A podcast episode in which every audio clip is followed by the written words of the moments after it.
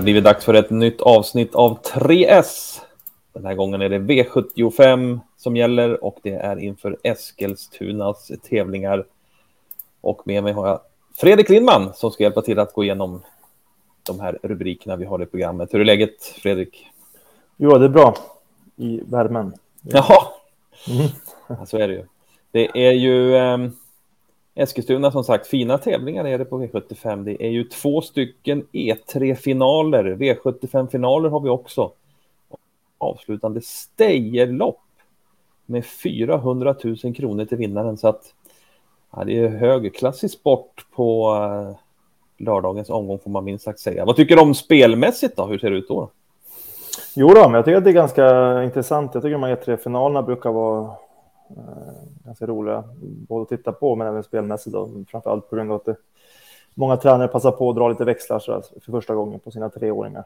Eh, så det brukar faktiskt alltid vara någon som dyker upp och, och överpresterar eh, i de loppen. Sen är det inte varje år de, de lyckas vinna, men det är alltid några som, som liksom kommer lite underifrån och, och överraskar i, i de där jättefinalerna.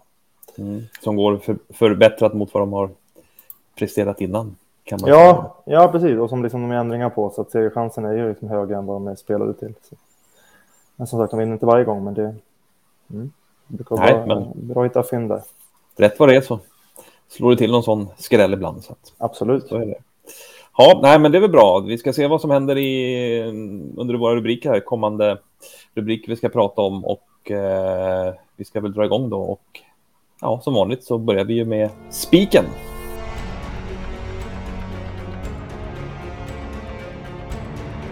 Spiken var det ja. Vad ska vi hämta spiken den här veckan? Vilken avdelning och vilken häst är det?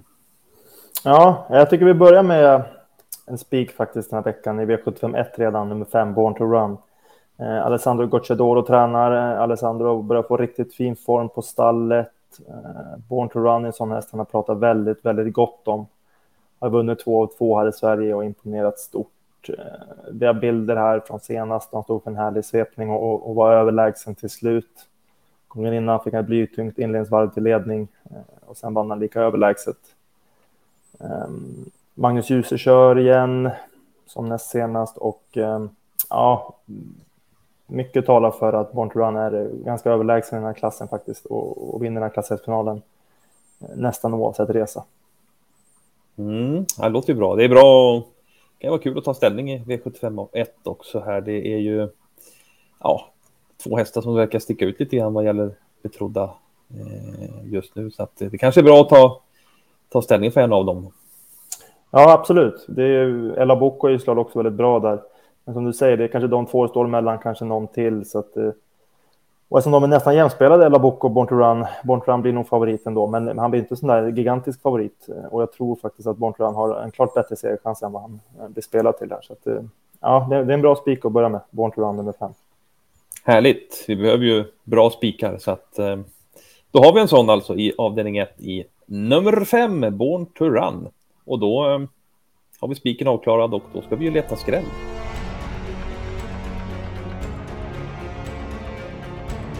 Då så, någonstans ska vi ju få till att utdelningen höjs också och vilken avdelning är det främst vi ska lyfta fram den här veckan? Mm. Vi brukar ofta ha storlopp med 15 hästar eller kallblodslopp och så här för att hitta skrälloppet, men den här veckan så är det faktiskt silverfinalen eh, som vi tänker försöka eh, få till en skräll. Eh, favoriterna är 11 Amelensis BB är såklart otroligt bra, men, men han har sämsta läget och, och, det är inte alltid de bara kan vinna från de lägena hela tiden. Eh, så det är väl egentligen grunden till att vi tror att det kan skrälla här. Mm, han blir väl ganska, äh. ganska um, klar favorit också. Så, men ändå då, som du säger, dåligt läge har han ju bakspår och måste ju i alla fall gå en tung väg för att vinna loppet, så är det ju. Så att då finns det ju roliga skrällar bakom att hitta eftersom man drar iväg lite på spelet här. Vad har vi någon speciell att lyfta fram? Ja, de här bakom här så är det ju framförallt den här med fyra Sandeman och fem Corner Show som är spelade. Och jag tycker egentligen inte att de har så mycket bättre seriechans än flera andra här. Eh, exempelvis då vill jag lyfta fram nummer 10, Henry Flyer Cheese som debuterade för Petri Salmela senast.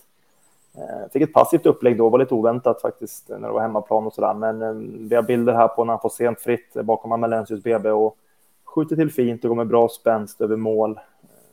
han kom med i silverfinalen på, på den tredje platsen där. Och, ja, men loppet i kroppen och jänkarvagn den här gången så um, Mikael Fors har fått känt lite på honom också så, där, så att, i den här regin. Så att, ja, vi tror att det kommer komma riktigt bra insats på Henry Fly och det jag tror inte han är dugg sämre häst faktiskt än Amalensius BB exempelvis.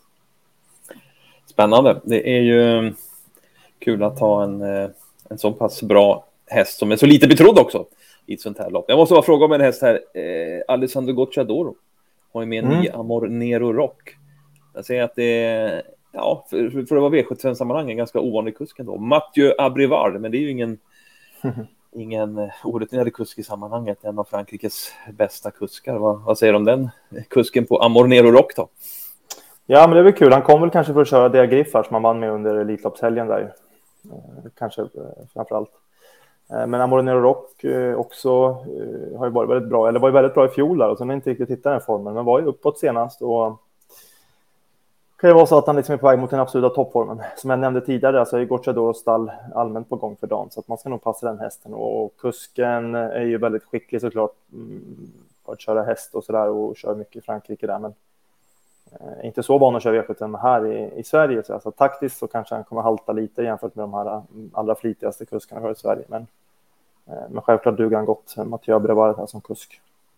Mm, så är det. Men som sagt, 10 Henry Flyer C så är den skrällen vi främst lyfter fram här i V75 4.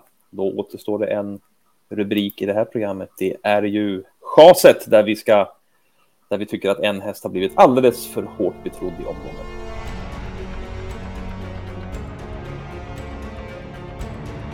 Det har jag Fredrik. Då ska vi ha ett chas och vem blir det den här veckan? Mm, det var faktiskt svårt att hitta ett uh, riktigt stabilt chas de flesta som är betrodda omgången är ju motiverat betrodda och sådär. Men uh, nummer nio, Hipster Am i V755, är inte favorit och det finns egentligen ingenting negativt att säga om hästen. Men uh, det är ett väldigt bra lopp det där bronsfinalen och uh, Hipster Am, jag tycker inte att han är särskilt mycket bättre än, än, flera andra hästar här som är betydligt mindre spelade och därför så får han bli ett chas. Mm, så är det. Vad, mm. Vill du lyfta fram någon häst? Eh, eller ja, vi måste ju lyfta fram någon häst som vi tror mer på och eh, som kan vara också kanske rolig i det här loppet. Har du någon speciell? Ja, men från bakspår kan jag säga att först nummer 10 Parker tycker jag är klart bättre än Hipsteram. Han borde vara mer spelad. Eh, men jag vill framförallt lyfta fram Senato, han nummer 5, som är väldigt snabb bakom bilen. Vi har bilder på det här. Han är väldigt snabb och öppnade otroligt tufft i det loppet där och försökte hänga på Is No God Am. Det blev en väldigt tuff första 500 och tufft första varvet. Eh, för Senator den gången. Man hängde på bra. Eh, nu tror jag faktiskt att han har chans att spetsa igen och kan få ryggledan. Eh, och då är han riktigt bra Senator, så ryggledan och lucka till slut, då blir han nog farlig. Jag skulle nog säga att han har, har bättre chans än med nio Hipster Am och är betydligt mindre spelad. Ja, verkligen. Han mm. hittar man ju långt ner i, i sträcklistan här om man tittar på den. Så det var ju ett eh, otroligt mycket roligare drag i fem senator där än nio hipsterham. Och dessutom har han ju bättre utgångsläge också. Absolut. Så är det. Eh, men eh, ja, det är, nog, det är kanske ett ganska sträckkrävande lopp det här ändå annars. Ja, jag tycker inte man ska skämmas om man tar liksom sex, eh, sju hästar. Eh, jag tycker inte Ipsam kommer förrän kanske sjunde, åttonde streck eller något sånt här. Så att, ja, men Parker måste man ha med, Senat måste man ha med och sen de här som är mest betrodda också är, är heta tycker jag. Mm. Så är det. Härligt. Då har vi gått igenom eh, rubrikerna och sammanfattar dem så här med spiken i avdelning 1, nummer 5, Born to Run. Skrälloppet blev V75 4, där eh, vi främst lyfter fram 10 Henry Flyer Sisu och så chasar vi 9 Hipster Am i V75 5, där nummer 5 Senato lyfts fram som ett riktigt roligt drag i omgången.